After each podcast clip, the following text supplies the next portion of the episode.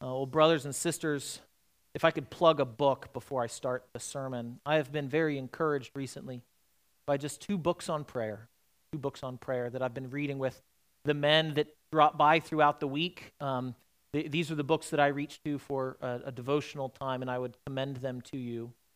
One is just the 30 Day Psalter by Trevin Wax. Um, it, it, if you read it morning, noon, and night, you'll read all 150 Psalms in a month and it helps you it helps you pray them. Um, and then another, um, I believe it's by Scott McKnight, a professor from the Masters University.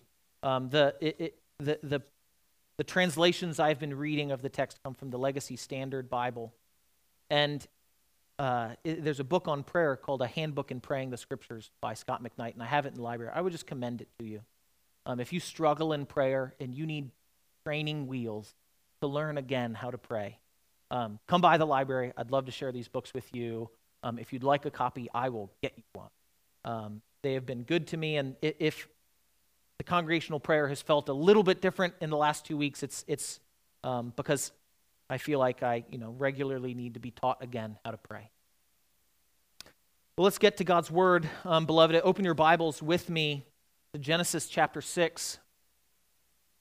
Genesis chapter six. We're going to be starting in verse 9. Um, and one of the difficulties of this passage is how familiar it is.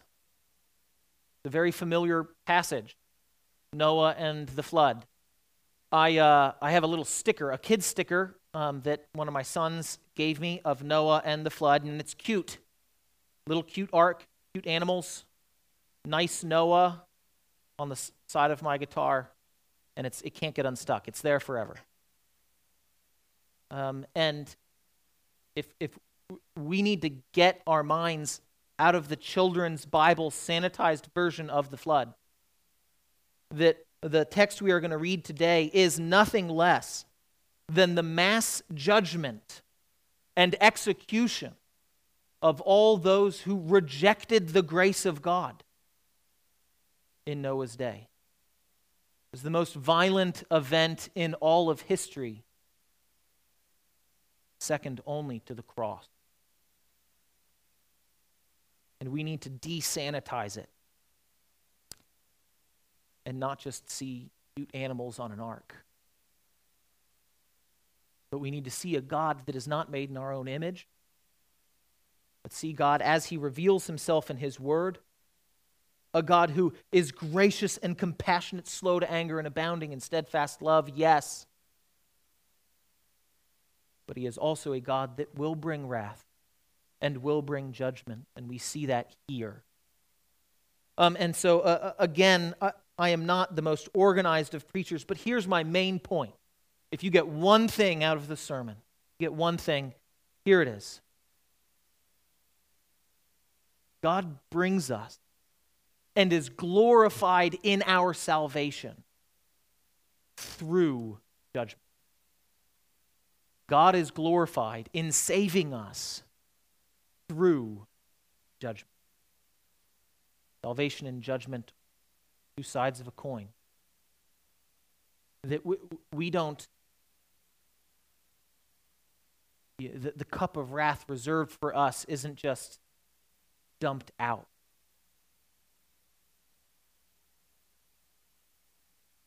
The cup of wrath reserved for us is consumed full. Our salvation comes through judgment. Is a necessary lesson that we learn in the Bible. That's the main point. If you get nothing else, there you go. Well, let's read Genesis chapter 6, starting in verse. These are the generations of Noah. Noah was a righteous man, blameless in his generation. Noah walked with God. And Noah had three sons Shem, Ham, and Japheth. Now the earth was corrupt in God's sight, and the earth was filled with violence. And God saw the earth, and behold, it was corrupt, for all flesh had corrupted their way on the earth. And God said to Noah, I have determined to make an end of all flesh, for the earth is filled with violence through them, because, behold, I will destroy them with the earth. Make yourself an ark of gopher wood Make rooms in the ark and cover it inside and out with pitch. This is how you are to make it. The length of the ark is 300 cubits, its breadth 50 cubits, and its height 30 cubits. Make a roof for the ark and finish it to a cubit above, and set the door of the ark in its side. Make it lower, second, and third decks.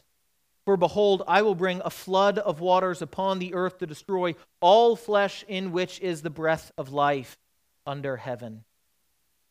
Everything that is on the earth shall die, but I will establish my covenant with you, and you shall come into the ark, you, your sons, your wife, and your sons' wives with you. And of every living thing, of all flesh, you shall bring two of every sort into the ark to keep them alive with you. They shall be male and female, of the birds according to their kinds, and of the animals according to their kinds, of every creeping thing of the ground according to its kind. Two of every sort shall come in to keep them alive. Also, take with you every sort of food that is eaten, and store it up. It shall serve as food for you and for them. Noah did this. He did all that God commanded him. Then the Lord said to Noah, Go into the ark you and all your household. For I have seen that you are righteous before me in this generation. Take with you seven pairs of all clean animals, the male and his mate, the pair of animals that are not clean, the male and his mate, and seven pairs of the birds of the heavens, also, male and female, to keep their offspring alive in the face of all the earth. For in seven days I will send rain on the earth, forty days and forty nights, and every living thing that I have made I will blot out from the face of the ground. And Noah did all that the Lord had commanded him. Noah was 600 years old when the flood of waters came upon the earth. Noah and his sons and his wife and his sons' wives with him went into the ark to escape the waters of the flood, of clean animals and of animals that are not clean, and of birds and of every thing that creeps on the ground. Two and two, male and female, went into the ark with Noah, as God had commanded Noah. And after seven days, the waters of the flood came upon the earth. In the 600th year of Noah's life, in the second month, on the 17th day of the month, on that day, all the fountains of the great deep burst forth, and the windows of the heavens were opened. And rain fell upon the earth forty days and forty nights. On the very same day, Noah and his sons, Shem, Ham, and Japheth, and Noah's wife, and the three wives of his sons, with them entered the ark. They and every beast according to its kind and all the livestock according to their kind, and every creeping thing that creeps on the earth according to its kind, and every bird according to its kind, every winged creature. They went into the ark with Noah, two and two of all flesh, in which there was the breath of life. And those that entered, male and female of all flesh, went in as God had commanded him. And the Lord shut him in. And the flood continued 40 days on the earth. The waters increased and bore up the ark, and it rose high above the earth. The waters prevailed and increased greatly on the earth, and the ark floated on the face of the waters. The waters prevailed so mightily on the earth that all the high mountains under the whole heaven were covered. The waters prevailed above the mountains, covering them fifteen cubits deep. And all flesh died that moved on the earth birds, livestock, beasts, all swarming creatures that swarm on the earth, and all mankind. Everything on the dry land, in whose nostrils was the breath of life, he blotted out every living thing that was on the face of the ground man and animals, and creeping things, and birds of the heavens. They were blotted out from the earth. Only Noah was left, and those who were with him in the ark. And the waters prevailed on the earth 150 days. Beloved, the grass withers and the flowers fade, but this word of our Lord stands forever. Thanks be to God. Let's pray. Father, as your water falls on the earth, both to flood it, tear it down, but also to build it up and to nourish it in the spring. Father, I pray that your word would fall on us today, your spirit would be present, applying this to our hearts, that we might see Christ here, and be made a little bit more into his image for your glory. In Jesus' name, amen. Again, this is a familiar text, and it's, it's a long text. It's about five minutes of, of solid reading, but it's one thought. In verse 9, it begins, These are the generation. You know, the, in Hebrew, it's the Toledotes. This is one way to outline the book of Genesis. It begins with all of these Toledotes. And so it's, you, it's helpful that always lets you know here's the beginning of a new section in Genesis. So here's this new passage, and it's the, the story of Noah. And it says that Noah was a righteous man, blameless in his generation, and we can err in at least two ways when we get to this. We can go, oh, this is why God saved him. God looked at him and said, Noah is righteous. I am therefore going to save him. But we need to remember last week that God made it very clear last in, in, in, in uh, the, the beginning of chapter 6. God saw that the wickedness of great of the earth was great, that every intention of the thought of their hearts was only evil all the time.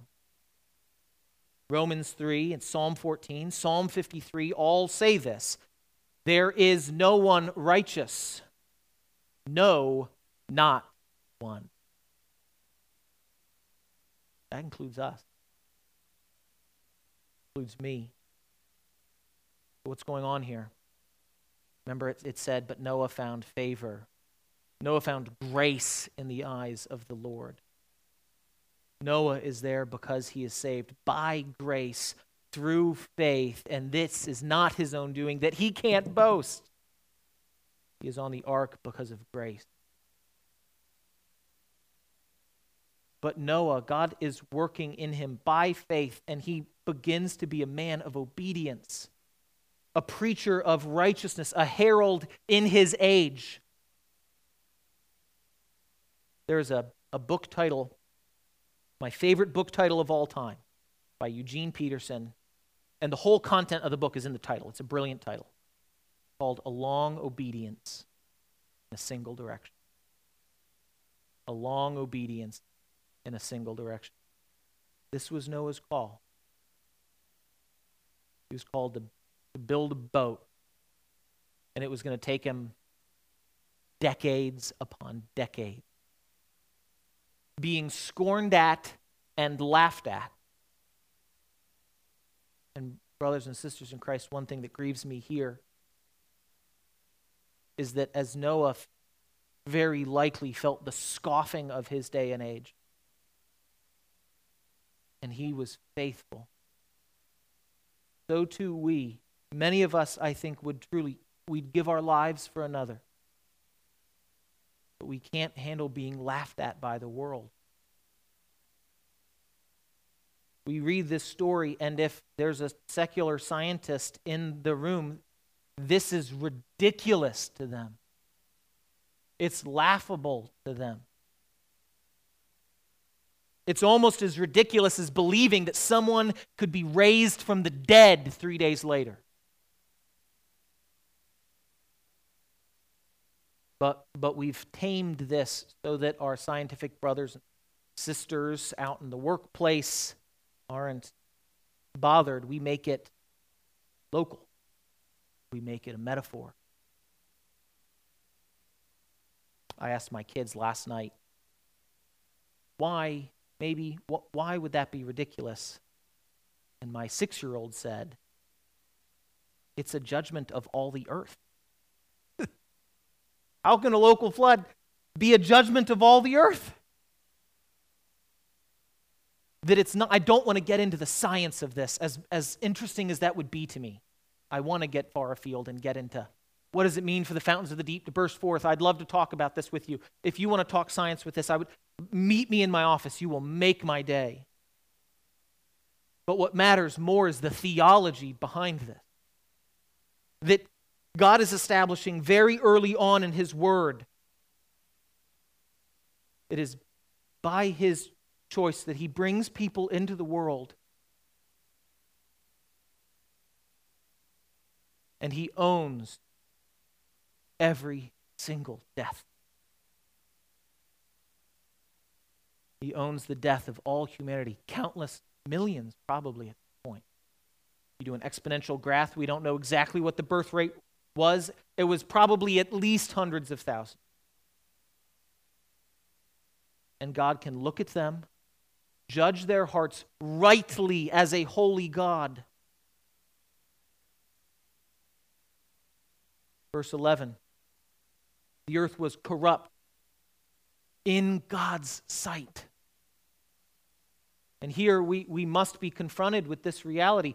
Will I judge based on my sight or God's? Will I look at myself? Will I look at my family? Will I look at our church? As, uh, will, will we just, you know, wear the goggles of self delusion and thinking what we want to think, what feels right? Or will, will we go, God, God, it, it doesn't seem like people deserve that. If that's our heart's reaction, then the problem is with our heart and not with God. The earth was corrupt in God's sight. And we have to be confronted with that fact. That is one of the questions of faith that, that we must ask ourselves. Will we choose to look at the world through God's eyes, through His Word, or our own? The earth was filled with violence. God saw the earth, it's, it was corrupt. It reiterates it again. Why? All flesh had corrupted their way on the earth. We saw this in the earlier chapter. One of the particularly devious things is that might makes right, and men are just taking any they whim, uh, any women they want. Polyg- polygamy proliferates. I can't speak.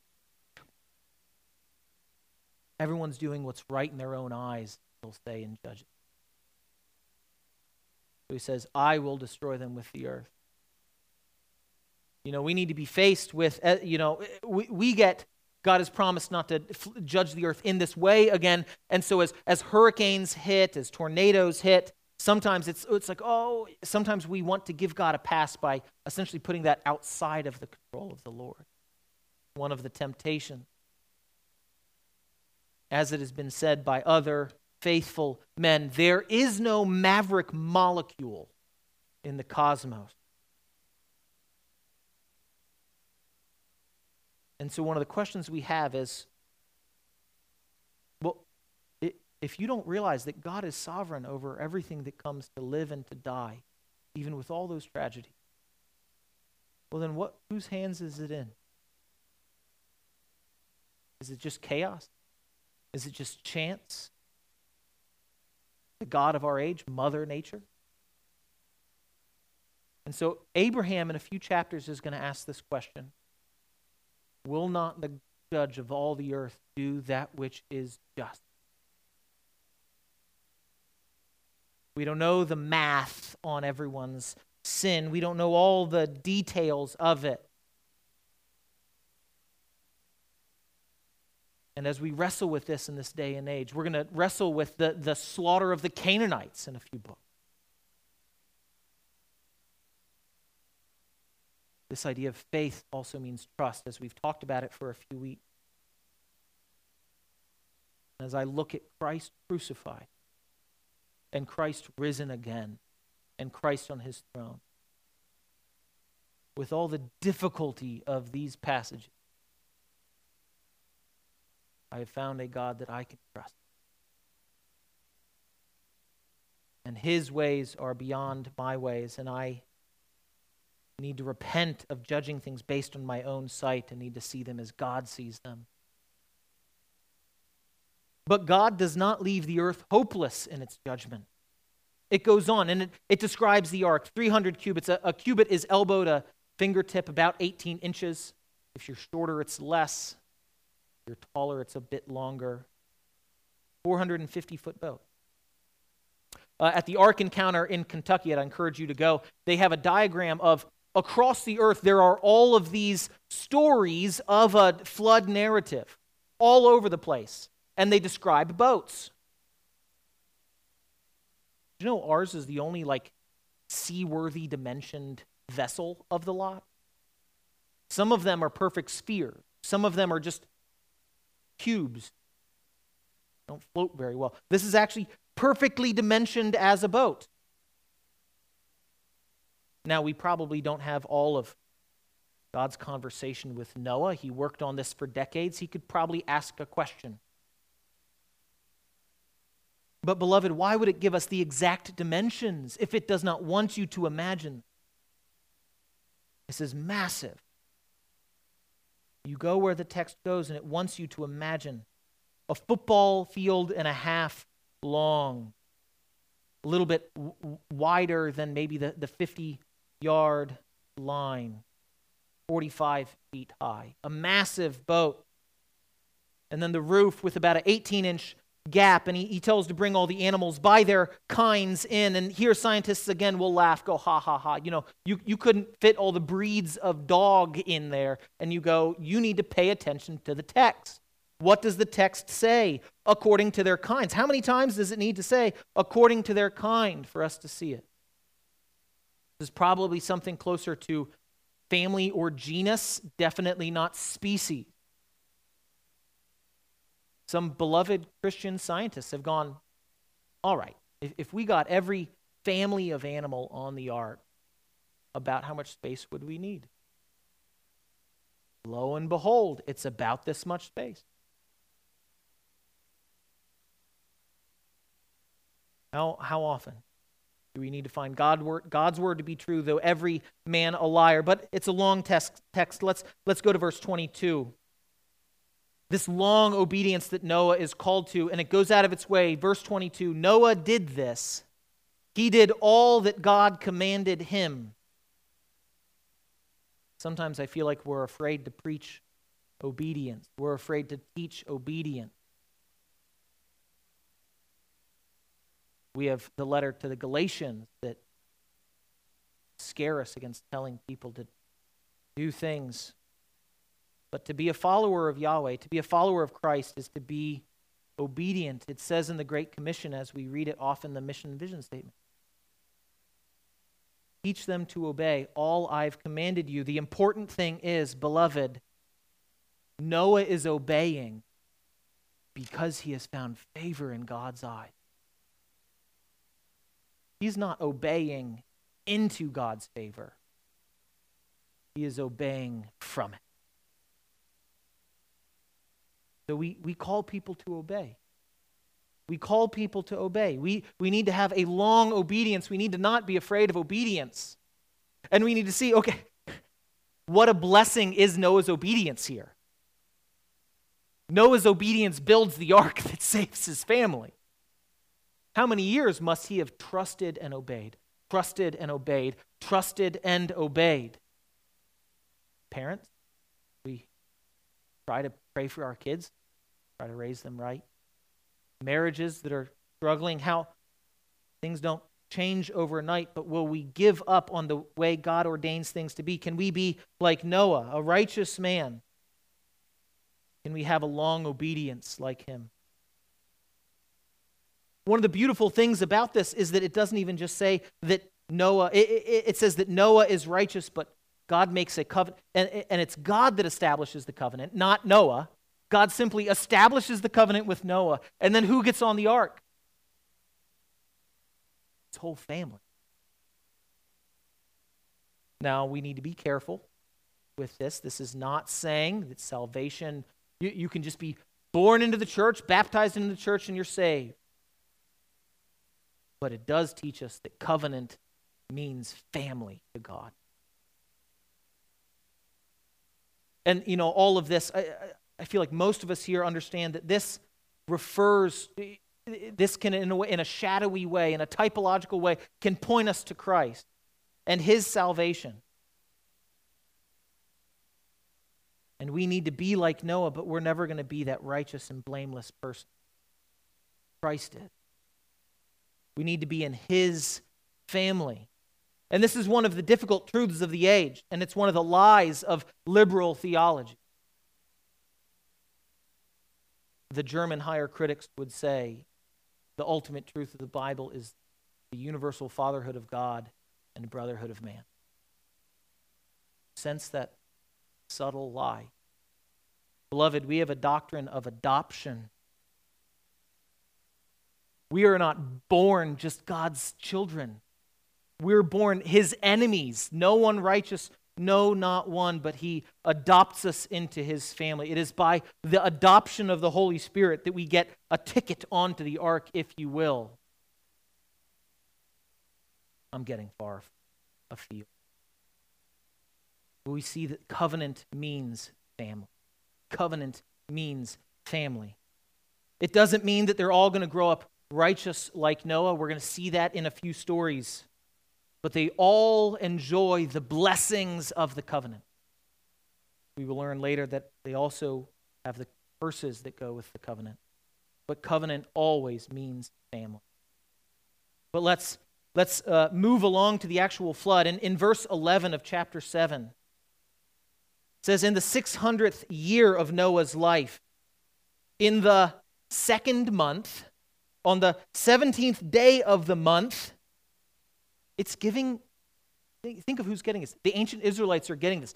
They are dating it. They are dating it to the day. Why would you do that?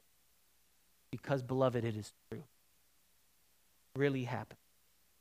The fountains of the great deep burst forward, and the windows of heaven, heaven were opened, and the rain fell upon the earth 40 days and 40 nights. And there's a few different ways in which this might have happened. We weren't there taking scientific measurements. We shouldn't pretend that the Bible is a scientific textbook, but it is a history book that has faithful history. What might have happened?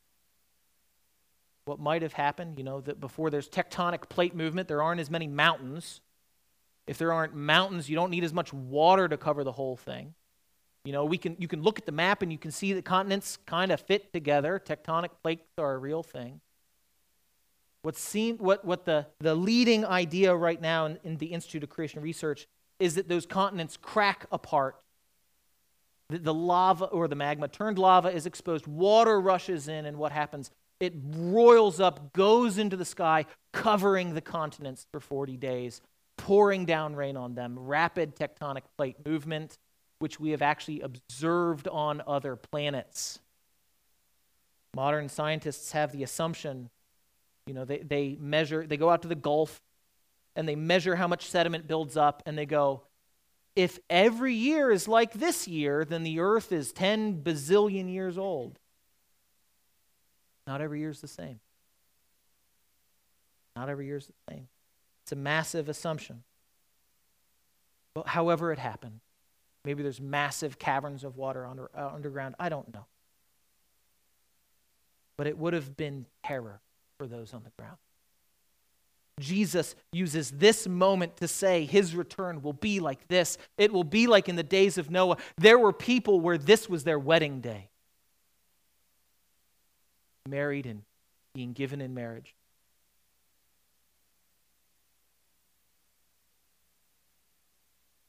We don't know when our Lord will return. We don't know when the, the trumpet cry and the flash of lightning across the sky, the cry heard round the world will happen when our Lord will return.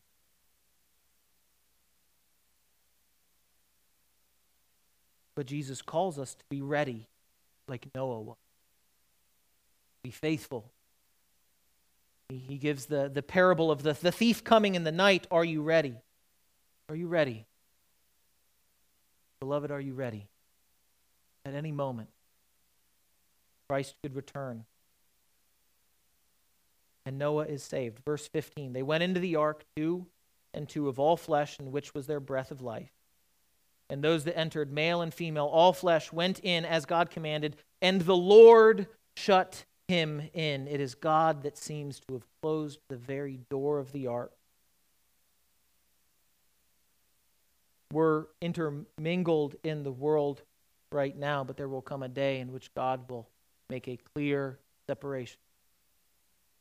And until that day, we are to call all people everywhere. We're to compel them to go to the highways and byways and beg them to come in.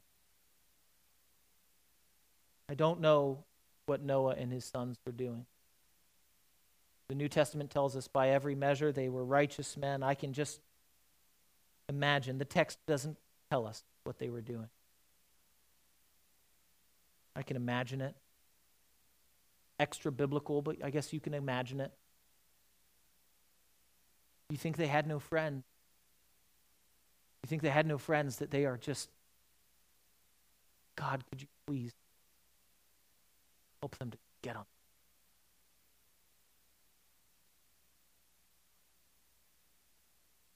God's grace is forever right there for them, and his wrath is being held back. But here we see a little image of what Christ's return will be like. Both of those hands come down. The door is no longer open, and his wrath breaks forth. And in this text, likely million drown. A violent, scary death. The flood continued 40 days on the earth, verse 17. The waters increased and bore up the ark, and it rose high above the earth. The waters prevailed and increased greatly on the earth, and the ark floated on the face of the waters. The waters prevailed so mightily on the earth that all the high mountains under the whole heaven were covered. Global flood. Why does it say 15 cubits? I don't know. Maybe that's the draft of the boat. Maybe Noah's out there with a plumb line. I don't know but it gives a measurement. And I believe it. All flesh died that moved. Birds, it was a local flood, birds aren't dying in a flood. Livestock, beasts, all swarming creatures that swarm on the earth and all mankind. You know, sometimes I feel like we miss that note. Beloved, it is the seed of Adam that has corrupted the earth. And as Adam goes, so goes creation.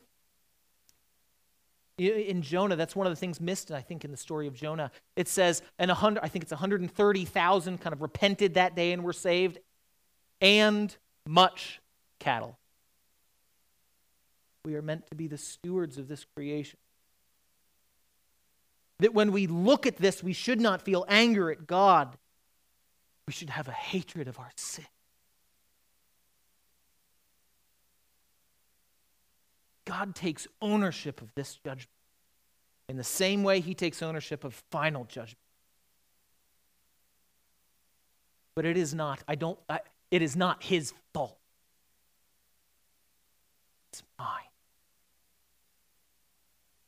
Every time we rebel against a holy God, this is a just, holy, good response.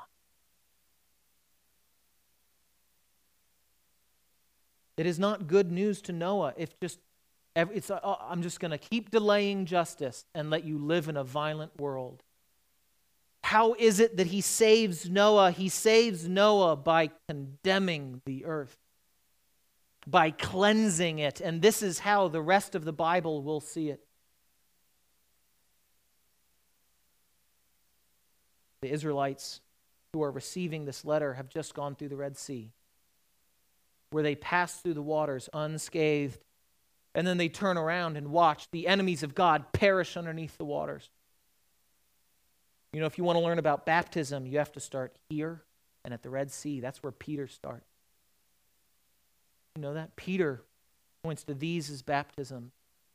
Sometimes I feel like we, we think of baptism as this nice, clean, gentle sign circumcision's the bloody, mean. That's the Old Testament sign.